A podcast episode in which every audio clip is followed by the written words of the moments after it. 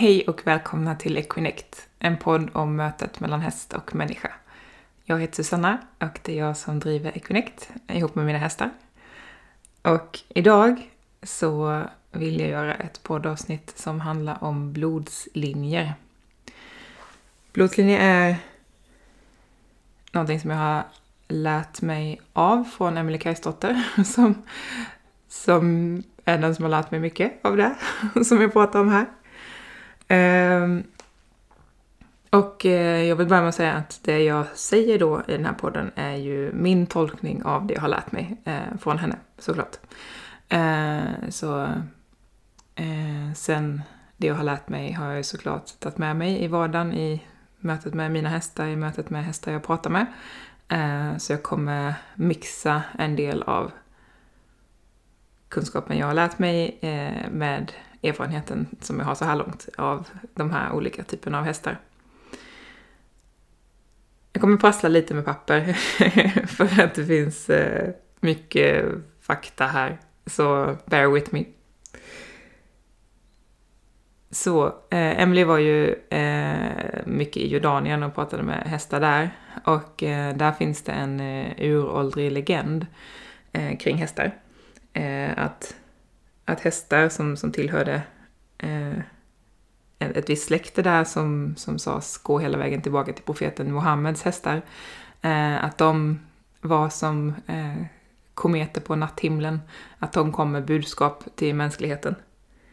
Och att olika hästar där hade olika aspekter av vad alla behöver för att komma vidare i sin andliga utveckling och sin personliga utveckling. Så där eh, sa man att det fanns sju olika blodslinjer, alltså sju olika genetiska linjer kan man säga, som hästar kunde tillhöra. Och att alla de sju olika linjerna kom med eh, egenskaper som var viktiga eh, för oss. Ehm, och tidigare eh, så verkade det vara så att de här blodslinjerna var just genetiska blodslinjer. Eh, men på senare år verkar det ha ehm, luckrats upp en aning. Och ehm, för något år sedan, om jag minns rätt, så visade det sig att helt plötsligt när Emily kom hem från en resa så visste alla hennes hästar vilken blodslinje de tillhörde. Medan alla hästar i Jordanien visste flockegenskaper och mioprinciper och sådär. Eh, så spännande saker händer när när vi människor kan resa eh, och kanske med hjälp av det binda ihop hästar vi träffar med olika energimässiga band. Det har verkat som att om man tillhör en blodslinje så gör man det, till skillnad från flockegenskaperna som kan skifta utifrån flocksammansättning och vad som händer i hästens värld och människans värld. Ehm, men även det känns lite uppluckrat nu och Emily eh, själv när vi pratade om det sist för en månad sedan vet inte riktigt om det kanske är så att man kan byta också.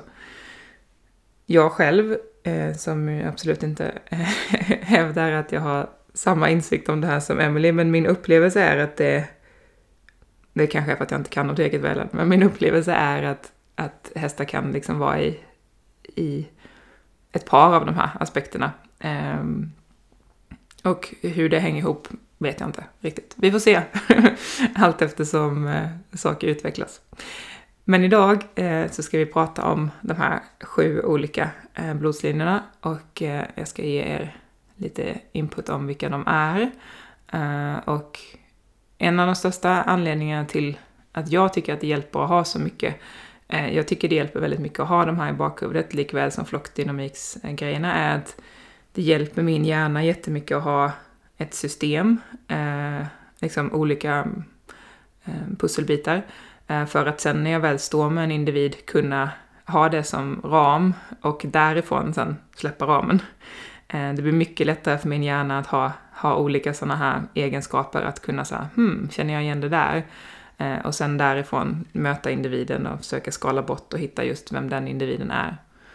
Så dels det, eh, men dels också att ehm, också både vad Emelie säger och vad min erfarenhet är, är att när vi har en häst i vårt liv som tillhör en viss blodslinje, då är det oerhört spännande om vi själva kan eh, jobba med att förkroppsliga den egenskapen i mötet med hästen.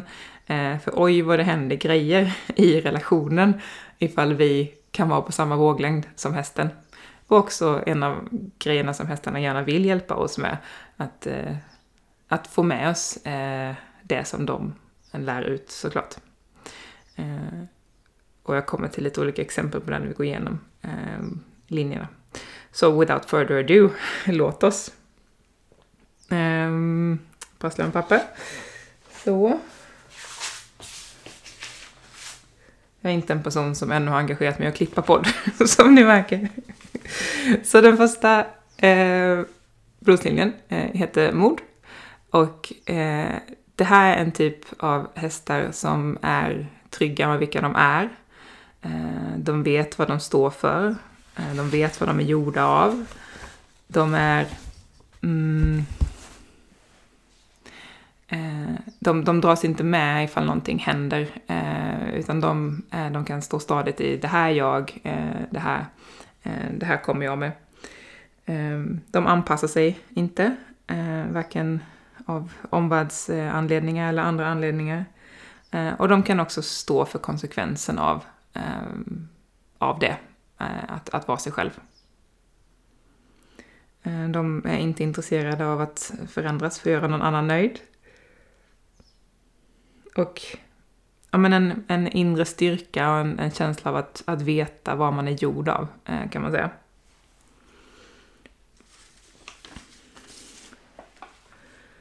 Mm.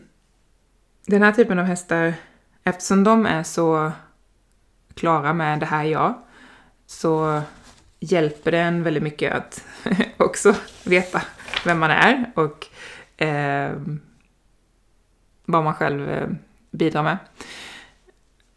Om vi går till mina hästar, Eh, för att kunna ge lite exempel, eh, så är Pona min fux, fuxvanar provokatör, häst, eh, tillhör den här blodslinjen. Och det är väldigt spännande då att se vad som hände i mötet med henne ifall jag skulle vara osäker på vem jag är. Ehm, då blir jag liksom genomskinlig ehm, i mötet med henne. Och, och vi synkar liksom inte alls. Eh, därmed inte sagt att jag ska ta över på något sätt. Och det är ju heller inte vad hästarna vill, utan där finns det ju en helt annan eh, jämlikhet än det kanske gör i människosamhällen. Men just det här att att för att ett, sånt, att ett möte med en sån typ av häst eh, ska bli ja, tussen som jag har nämnt någon gång i podden också, den här ostoppbara provokatören, han tillhör också den blodslinjen, eh, för, att, för att ett sånt möte ska kunna vara på något sätt harmoniskt eh, så behöver det finnas en kärna i mig också, i människan också. Eh, och det kan vara väldigt viktigt eh, om man har, om man känner att ja, men det här är en sån typ av fest som jag har hemma att spendera tid med eh, vem är jag, vad är mina styrkor, vad är mina svagheter, eh, vad är min kärna. Så. Så det var pluslinje ett. Eh, den andra eh, är aggressivitet eller skydd av svaga. Och det här är hästar som om vi, om vi tänker att grupp 1 som vi precis gick igenom, de är så här, jag tappar inte bort mig själv oavsett vad. Så är det här istället hästar som, um, vad ska man säga, eh, överlämnar sig till att skydda andra. Det är så här, när det väl skulle hända någonting, här har vi lite så här anfallarhästar, skulle man kunna översätta det till. Eh, när det väl händer någonting, eh, då slår en väldigt snabb instinkt eller reflex till. Och jag, som i min personlighet är inte viktig just då, utan jag överlämnar det. Eh, och så gör jag det som behöver göras för att skydda flocken. Så här har vi en typ av hästar som är eh, jättelojala i att eh, de, de offrar sig själva för någon som inte hade kunnat klara sig på egen hand. Och här finns också inspiration att hämta från hästsamhället i att, eller hästflocken, i att men de hävdar då att ett, ett samhälle där alla överlever på sin egen styrka blir väldigt känslokallt och cyniskt. Eh, så att, att veta att det finns ett sånt här skydd som tar över ifall man själv inte kan, eh, gör ju också att resten av gruppen, flocken, kan vara Eh, avslappnade. Och också en del av att bygga, bygga en flock eller ett samhälle. Mm. Och här handlar det då verkligen inte om en själv, här handlar det om den andra eh, eller flocken. Och jag nämnde ju nyss att det finns en viss översättning mellan den här Eh, gruppen och anfallare. Och eh, då vet jag att många över tänker så här, ah, men kan du inte så säga vilka eh, flockroller som går in i vilka blodslinjer? Och till viss del, när vi har haft de här genomgångarna hos Emily, så har man kunnat se att det finns, det finns vissa grupper som man hittar oftare kopplingar mellan. Men det finns också definitivt jättemånga som man inte alls tycker är rimliga kopplingar mellan. Ehm, förra gruppen som jag nämnde, mod, eh, skulle man kunna hitta eh, försvarare, eh, till viss del kanske provokatörer, eh, men absolut inte bara och absolut inte alla. Eh, så, att, så att de här eh, de går inte att översätta helt på ett enkelt sätt i alla fall, vad jag förstår. Um, när det gäller skyddsgruppen, de som kickar in i sin aggressivitet eh, när det behövs, vilket då här bland mina hästar är Arrow, ehm, så handlar det mycket om syfte. Och det är intressant för mig och har varit väldigt lärorikt för mig att se vad vad gör det med Arrows och min relation om jag har um, om jag har kopplat upp mig till, uh, Eh, till mitt livssyfte eller ett högre överlämnande eller inte. Eh, det är lite grann som att allting blir meningslöst för henne om inte det är kopplat till någonting större. Eh, det har tagit mig lite tid att förstå. jag har ju tänkt att, ja men, eh, vi får väl göra alla de där vanliga grejerna som man borde kunna med sin häst eh, också, eh, lite vid sidan av. Eh, och det gör hon gärna, men bara ifall jag har, eh, har en anledning till det som är kopplad till mitt syfte. Eh, annars så är hon väldigt ointresserad av det. Eh, och hon är också jättenöjd med att bara inom citationstecken assistera mig i sånt här eh, skapande, som på kurserna som hästarna jag håller. Eh, det är ju, dels är det ju hennes bästa dagar, Um, och också när det kommer enstaka människor hit för uh, lektioner eller möten, uh, så är det ju uh, där är det liksom hennes bästa dagar för att hon får möta någon som, som verkligen vill och är där och ja, när det handlar om någonting som är på riktigt. Ehm, Medan att utföra sådana um, ehm, aktiviteter som vissa av de andra grupperna vi kommer till sen kanske tycker är harmoniskt och bra skulle hon bli jätteuttråkad av. Så syfte, eh, viktig grej. Um, och, och något annat som man kan tänka på i mötet eh, med dem är eh, också kan, vad har jag för relation till den här typen av, av tillit? Är jag eh, är jag en person som, som kan lita på att det finns ett sånt skydd? Har det funnits ett sånt skydd för mig eller inte? Och i mötet med dem också då tillbaka till syfte. Vad, vad är jag beredd att dö för? Finns det någonting som är så viktigt för mig att jag hellre dör levande än att inte ha levt alls? De kärnfrågorna. Eh, att ha hittat dem, att sitta med dem. Man behöver inte ha svaren på dem, som jag upplever det, men man behöver ha med dem eh, i sig, då blir mötet med den här typen av häst ehm, det blir lättare att hitta varandra, helt enkelt. Det blir lättare för dem att förstå vem man är. Och är det här svårt att hitta så är det ju hos en häst av den här blodslinjen som man går till för att eh, ha de här samtalen. För att få inspiration till att hitta det där. Överlag kan man säga så om alla blodslinjerna, de är jätte... Eh, de vill jättegärna hjälpa oss med det här, eh, generellt sett. Eh, så så ha, ha samtalen, ställ frågorna. Fråga Arrow om ni vill, hon finns tillgänglig för er alla över eten. Okej, okay. Eh, grupp tre. Eh, är gruppen Vänskap. Och eh, gruppen Vänskap har en... I, i, I flocken så har de en, en funktion där de liksom nästan kan gå upp i varandra. Att det är en sån typ av vänskap där man sammansmälter. Um, vilket kan bli sunt i en hästflock. Uh, inte nödvändigtvis alltid så enkelt att hitta sund sån vänskap i människovärlden av olika anledningar. Uh, men i hästflockar så, så finns det liksom en... Um, den här gruppen pratar om en väldigt lojal, finstämd känsla. En, en känsla av att det är just jag som individ vill eh, får vara sekundärt just nu. Eh, och det just den andra vill är också sekundärt, men vad vi vill gemensamt, eller vad som uppstår i mötet, eh, det blir en egen enhet och det blir någonting eh, som, mm, som blir viktigare. Ehm, och den här känslan av vänskap, finstämdhet vill de gärna ska vara med i alla möten. Och även om det bara är en väldigt kort stund, eh, så, så att ha med den eh, är vackert och viktigt.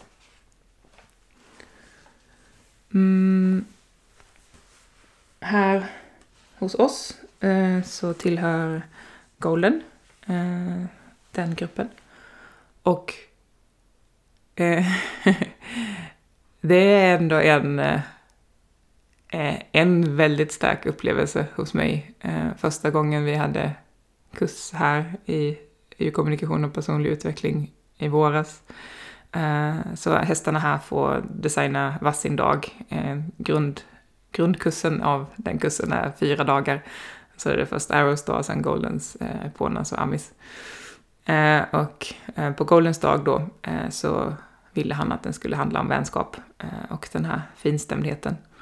Mm, och den här typen av hästar eller vad vi fick göra också när vi gjorde övningar på eh, den här blodslinjen var att, att hitta den här finstämdheten i beröring, i fysiskt möte med den andra hästen, eh, som är hästen. Um, och Golden just är också en, en rätt så fysisk häst så tillvida att han, han är mycket i kroppen, han, eh, eh, det här med kroppsmedvetenhet har varit viktigt för honom och så. Eh, så i alla fall den gruppen eh, deltagare som var här då Eh, då stod vi inne i lösdriften och eh, gjorde en body awareness som eh, Golden var med och designade. Och ja, det kanske tog en kvart eller något. Och han kom och ställde sig där och stod jämte oss och var med. Och sen guidade jag vidare deltagarna till att leta efter den här finstämda vänskapskänslan i sig själva. Var, var satt den i kroppen, om de kunde hitta den, hur kändes den? Eh, och kunde de sprida ut den till, till sina händer eh, och, och ha, den, ha den där. Eh, och under tiden här som eh, de letade efter den finstämda känslan så, så kom han och la sig ner eh, bland oss. Och ni som följer mig har ju sett honom eh, ligga ner och chilla rätt ofta och tänka att ah, ja, men det gör han ju hela tiden. Eh, det är inte riktigt sant. Eh, han är, särskilt när det är människor här, så det, dels blir han så exalterad över att det är människor här, att han blir lite så som ett övertrött barn. Ehm, men också kan han också eh, fastna en del i, i prestation eller ja, men en, en ehm, att, att det är så mycket energi så att det kryper igenom och han absolut inte kan vara still. Det är jättesvårt för honom att få healing eller KS och så och, och verkligen stå still. Det, det, kräver mycket för att han ska gå ner i det där dunk, eh, viloläget. Så därför, när det då var eh, sex, åtta för honom okända personer där eh, och han kom och lägger sig, eh, stort eh, för honom. Eh, och ännu större då var att de sen kunde eh, gå fram till honom, först en och en, och medan han låg där och sov i halmen, eh, testa den här känslan av vänskap i beröring på honom eh, och så småningom gå fram allihopa eh, till honom och sitta och, och känna den. Eh, och det var säkerligen en, en stor upplevelse för deltagarna, men det var också en stor upplevelse för Golden att det kom massa människor till honom som mötte honom på hans frekvens. Jag blir helt så berörd nu när jag pratar om det. Ehm, för det är så stort och så viktigt för hästar att, att få bli sedda för, för den de är och mötta eh, för den de är. Eh, och det var en jätteläkande stund för honom och jättemycket tillit för honom att ligga kvar där och vara liksom omringad av de här människorna och de bara gav honom kärlek och bara mötte honom på hans, eh, hans våglängd. Eh, och dagen innan det så hade jag hemma två vänner som, eh, där vi där den ena är KS-terapeut, skanösakralterapeut och den andra healer och så möts vi och gör utbyte och lär oss av varandra. Um, och då så skulle vi ju, då vill jag testa den här övningen på dem. Uh, så stod och guidade, jag stod och guidade dem och Golden fipplade runt och han gick fram och liksom så buffade på dem och försökte klia sig och var liksom bara allmänt, uh, vad man skulle kunna säga, ganska störig. Eh, men samma sak där, när vi väl kom till vänskapskänslan och jag började prata med dem Eh, mina vänner där då om att leta efter den i sig själva, så var det som att från en sekund till en annan typ skjuta honom med en sån här tranquilizer. Alltså bara lugnande. Och han liksom bara duff, eh, somnade. Jättespännande. Sen höll han den eh, några minuter och sen så liksom eh, tappade vi den och då började han liksom greja runt igen och sen så somnade han igen. Och ja, sånt är så intressant. Det är också därför som jag känner mig väldigt passionerad inför att få dela de här budskapen för oj vad det händer saker i hästarna när de blir mötta eh, så här av oss eh, på sin frekvens. Så det var vänskap. Mm. Nästa grupp eh, heter uthållighet. Och eh, det är en grupp hästar som håller sig kanske lite i bakgrunden de, de gör allt det där som man kanske tar för givet, eh, som, som man tror är inte så viktigt, men som egentligen är det som håller uppe allt. Eh, så uthållighetshästarna är inte hästar som är, det är inte viktigt för dem att få eh, ett erkännande eller vara i centrum, utan eh, det är de som, eh, som sköter det där som man annars tar för givet. Um, och det skulle kunna vara, eh, ja men eh, Emelie uttryckte det nog som eh, osynlig upprepning när vi gick igenom det. Eh, så allt det där som, om det inte skulle göras så skulle man lägga märke till det. Men när det görs så tänker man inte så mycket på det. Eh, och det kan vara allt från eh, sopa stallgången till att eh, ha målat, städat, eh, meditera. Allt det där som, som bara händer. Ehm, och i, i den här gruppen så, så är det också... Mm, eller så här, det som blir så viktigt för oss människor då i mötet med de här hästarna är att vi också kan ta kontakt med den typen av, eh, vad ska vi säga, eh, aktiviteter, eller icke-aktiviteter, i oss. Eh, så att vi inte bara hastar förbi dem och tänker att de är inte så viktiga, det andra som vi gör sen är viktigt. Vi står och mockar till exempel. Och så tänker vi, ja, nu måste jag bara få det här gjort, eh, för sen kan jag eh, träna tillsammans med min häst. Eller sen kan jag åka och jobba, eller vad jag nu ska göra. Eh, men att istället vara i att, men det jag gör just nu, att stå här och mocka, eh, att stå här och borsta, eh, att stå här och sopa stallgången, eh, det är ju det, eh, det, det är det, de aktiviteterna som bär upp alltihop, eh, allt annat. Mm.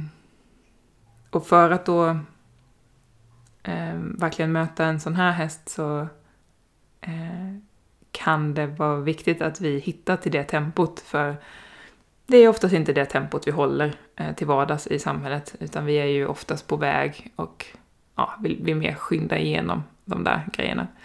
Eh, så när vi var hos Emelie och skulle känna på den här blodslinjen så fick vi göra en meditation där vi bland annat spenderade en stund med vår andning. Eh, Också en sån här sak som vi tar för givet, men som är ganska viktig för att upprätthålla allt. Ehm, och, bara notera den, det, det undret som det är, att den är med hela tiden. Vi behöver inte ens tänka på det, det finns där ändå. Ehm, och att, att genom meditation eller yoga eller chanting eller dans eller vad det nu än är komma till det sinnesläget och det tempot eh, gör att ett möte med en sån eh, häst blir ja, bättre, om vi nu ska värdera det. eh, Skilla, en av eh, storna här på gården, eh, tillhör den gruppen och också en sån, ja, men en sån häst som man kanske skulle missa eh, om man inte tittade noga för att hon håller sig lite mer i bakgrunden. Um, men är också samtidigt väldigt mm, vad ska man säga, pålitlig eller stabil i att hon, hon alltid finns där. Uh, och, och någon, någon som säkert bär upp mycket mer än, uh, än man tror. Och om det nu är så att hästar kan tillhöra två blodslinjer, vilket jag inte vet, så är Golden också en häst som, som rör sig i det spektrat. Mm.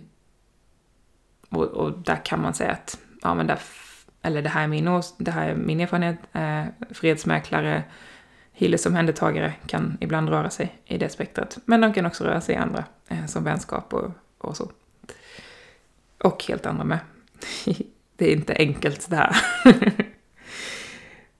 Sen har vi anpassning till nya omständigheter, eh, nästa blodslinje.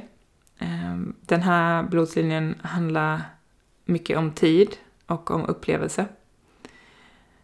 Hästar är ju generellt sett jättemycket bättre än oss människor på att eh, ta tillvara på stunden, att, att vara i nuet och sen släppa det. Och därmed så har de också mycket lättare för att hantera förändring än vi människor har. Och den här gruppen är special eh, ja, tappa ord, specialduktiga på det. Så de lägger mycket vackert i tiden eh, och de ser den som, som någonting vackert, att, att den passerar.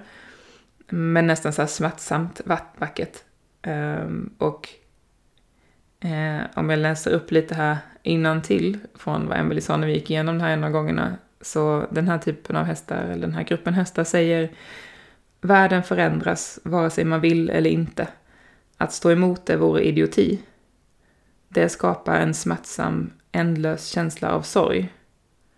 Men att inte bry sig, alternativet, att inte fästa sig och hålla distans, det vore ännu sorgligare. För då har man gått miste om den enda möjligheten att uppleva som någonsin fanns. Så om det bara för en sekund går att känna det här och så gick inte du dit för att du inte ville förlora det. Det hade varit dumt på riktigt. Så här handlar det mycket om uppleva eh, närvaro. Um, och genom det faktiskt då inte hålla fast vid um, så som det har varit. Tillbaka till vad den här gruppen kallas anpassning till nya omständigheter. Uh, att, att faktiskt kunna stå ut med oförutsägbarheten eh, och ofta kan ju hästar då hjälpa oss med det, eh, för de upplever inte samma rädsla som oss när det sker. Här hittar man ofta ganska mycket innovativa individer. Eh, och för att möta dem så en bra grej är just att vara i nuet, eh, försöka allt man kan, att, att verkligen uppleva det.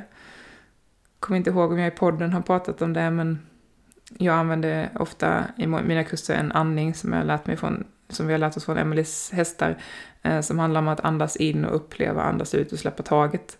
Eh, och en sån typ av andning där man hela tiden försöker vara i, i nuet, uppleva, släppa, uppleva, släppa, är eh, ett, ett bra sätt att, att vara med de här hästarna i. Um,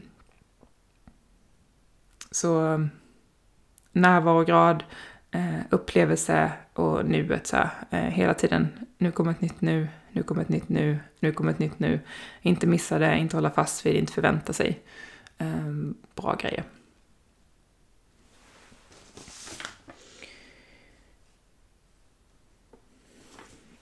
Um, vi, vi har just nu inte här någon, någon vuxen eh, anpassning till nya omständigheter, häst, men man kan se det ganska mycket i, i fölen. Vi har framförallt ett, ett föl som jag upplever tillhör eh, den här linjen. Eh, och eh, generellt sett så har ju ofta föl och unghästar mycket av eh, innovativ energi. Eh, så att de är bra lärare i, i att vara i det som är, helt enkelt. Och sen näst sista blodslinjen, är blodslinjen är tillit. Och när man säger tillit så är det ju lätt att tänka att eh, tillit som typ sitta i någon slags lotusställning och meditera. Eh, så menar man inte här, utan det här är istället citat, eh, nu ska vi se, helt skruvade individer utan några begränsningar. så det här är hästar som är så trygga med att eh, alltet finns och ta emot dem, eh, att de kan göra precis vad som helst. Eh, så tillbaka till att det inte är de där som bara sitter och är lugna och, och ehm, känner tillit på det sättet, utan istället tillit till att men jag vet att jag, jag litar på existensen eh, och därför så kan jag testa precis vad som helst. Det finns en sån enorm trygghet i det. Eh, och i det så verkar det som att de, de upplever att de kommer närmare existensen, de kommer närmare livet genom att då eh, riskera allt på ett sätt. Eh, så, så här kan man ofta hitta provokatörer. Eh, jag upplever att eh, ehm, Sky eh, tillhör eh, den här blodslinjen. Inte så, och, och hon kanske inte så mycket för att hon just nu i alla fall, gör sådär jättemycket maxade, skruvade saker. Eh, men också just den där att, att vara så trygg i existensen att det inte finns eh, någonting som hon behöver hålla fast vid. Ingenting att behöva bevisa, eh, utan, utan bara eh, total tillit och därmed liksom en trygghet i att jag kan göra precis vad som helst och någon fångar upp mig, någonting fångar upp mig. Eh, när vi gick igenom det här så tror vi också parallellen till människor eh, som kanske eh, man kan se samma typ av beteende i. Eh, en människa som söker kickar, alltså behöver eh, hoppa bungee jump, bajsklättra, eh, adrenalin junkie. Eh, och för att förstå skillnaden mellan de två eh, sakerna, att, att en häst som beter sig på det sättet, som, behöver, som vill eh, göra galopprusningar i en kurva eller som vill eh, hoppa över omöjliga saker och sådär. Det kan se ungefär likadant ut som en människa som, som eh, har det här kicksökandet, men det är två helt olika saker. Människor som beter sig så beter sig ofta så för att det finns en så stor avstängdhet och distansering från sig själv, att det där är det enda tillfället när de känner sig levande.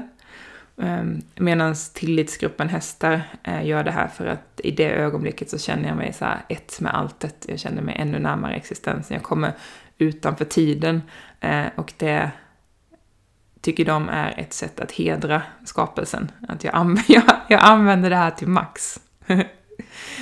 um, när vi gjorde övningar på det här hos Emily så fick vi vara mycket i våra sinnen, sinnen eh, mycket i vår hörsel och och, och skruva upp allting till max. Eh, och överlag så, så kan det vara ett, ett bra sätt att möta eh, de här hästarna. Och slutligen eh, så har vi blodslinjen medkänsla eller empati. Och det här är den eh, egenskapen eller linjen som, som håller ihop allt och alla. Som eh, genomsyrar allt och som, som finns som en sammanhållande kraft. Och här i detta finns det också ett stort överlämnande. Eh, ganska mycket som att man har skalat av allt som har legat mellan en själv och eh, verkligen upplever eh, ja, men allt, allt som har legat mellan en själv och själen, jaget och verkligen upplever eh, allt Mm. De här hästarna... Mm, ja, men de är som kittet som, som håller, håller ihop saker. Eh, och återigen kanske hästar som inte märks jättemycket i en flock så som att de eh, har något, något, eh, någon egenskap som gör att de står eh, stands out from the crowd. Men eh, de finns där och de har sina kloka, empatiska ögon som observerar eh, och som därmed håller samman. Mm. Just det här med den typen av medkänsla kan ofta vara lite utmanande för människor för vi har inte levt i en flock på det viset där vi kan lita till den typen av bemötande som man får av hästar. Och därför kan hästar av gruppen medkänsla vara jättefina guider in i ett medkännande tillstånd. Eh, Ami här eh, tillhör den blodslinjen. Eh, och eh, även hennes son Red. Och ofta så, om man tittar på den typen av hästar upplever jag så, så är det, de är en, en central del av flocken samtidigt som de inte nödvändigtvis utmärker sig. Eh, men de är ändå i mitten av den på ett sätt som kanske inte riktigt går att beskriva bättre än så. och vad man kan göra för att, att connecta med dem är att, att be dem visa en eh, hur är det att, att vara i en hästflock? Kan du visa mig? Kan jag, kan jag få uppleva flocken genom dig? Och det är en av sakerna vi gör på kurserna här och det är alltid lika spännande att höra vilka upplevelser och känslor som deltagarna får när, eh, när de är i samtal med Amel och numera också Red då. Ehm, får, får ta in den känslan eh, som, som är så mycket större än vi, vi kanske annars har fått känna i den, den tilliten och att det alltid finns någon som, som finns där eh, och som binder samman allt. Och som också hjälper oss att känna samhörighet till alltet. Eh, för det här är hästar som också har en, en, en extra mm, kontakt med eh, träden, gräset, alltet. Så. Um, så har man en, en sån häst så se om de kan guida en vidare in i eh, det empatiska. Sen är det också så att alla eh, hästar eh, förstår eller har pusselbitar av det här i sig. Så om man sitter nu och har lyssnat på det här och så har man en häst i sitt liv och bara nej, nu kan jag bara göra en av de här övningarna eller nu kan jag bara integrera en av de här egenskaperna. Eh, så är det inte, utan man kan eh, gå till samma häst och eh, prata om eller utforska alla de här egenskaperna. Eh, sen är det så att vissa hästar då har mer eller mindre av dem. Eh, men man kan göra övningarna med alla hästar. Eh, och som jag nämnde i början så är det ju eh, egenskaper och aspekter som gemen, alltså om man, om man tar in alla dessa, om man integrerar alla de här, så får man en, en kanske rikare palett av, av sig själv eh, och eh, jag tycker det är jättevackert när man tänker på hur, hur mycket det finns som hästflocken kan bidra med till oss i att guida oss hem till oss själva. Eh, och det här är ett sätt att eh, få hjälp av hästarna i det. Eh, under hösten här så kommer jag göra en kurs som heter Känn din häst.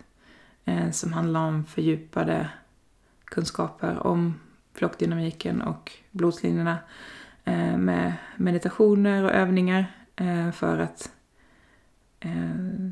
komma närmare varandra och utvecklas. Eller för att vi människor ska utvecklas. Så den kommer under hösten. Ehm, och vi utforskar också det här på, på kurserna hemma. Och jag hoppas att det här avsnittet, även om jag förstår att det är mycket information och eventuellt eh, ibland inte helt enkelt att förstå. Eh, det kan jag också relatera till. Så eh, att det kan, kan bidra med lite nya infallsvinklar på att möta hästarna som ni har runt er. Och eh, kanske lite, lite nya idéer till, till vad man kan ta till om man märker att men här connectar vi inte riktigt eller här är det någonting som, eh, som skaver mellan oss. Eh, att utforska de här olika. Man kan ju göra så att man vid varje möte framöver har fokus på ett av dessa i sig själv. Och så bara ser man vad händer då. Eh, och vad, när jag är på vilket sätt eller när jag har fokus på vilken av de här blodstenarna i mig.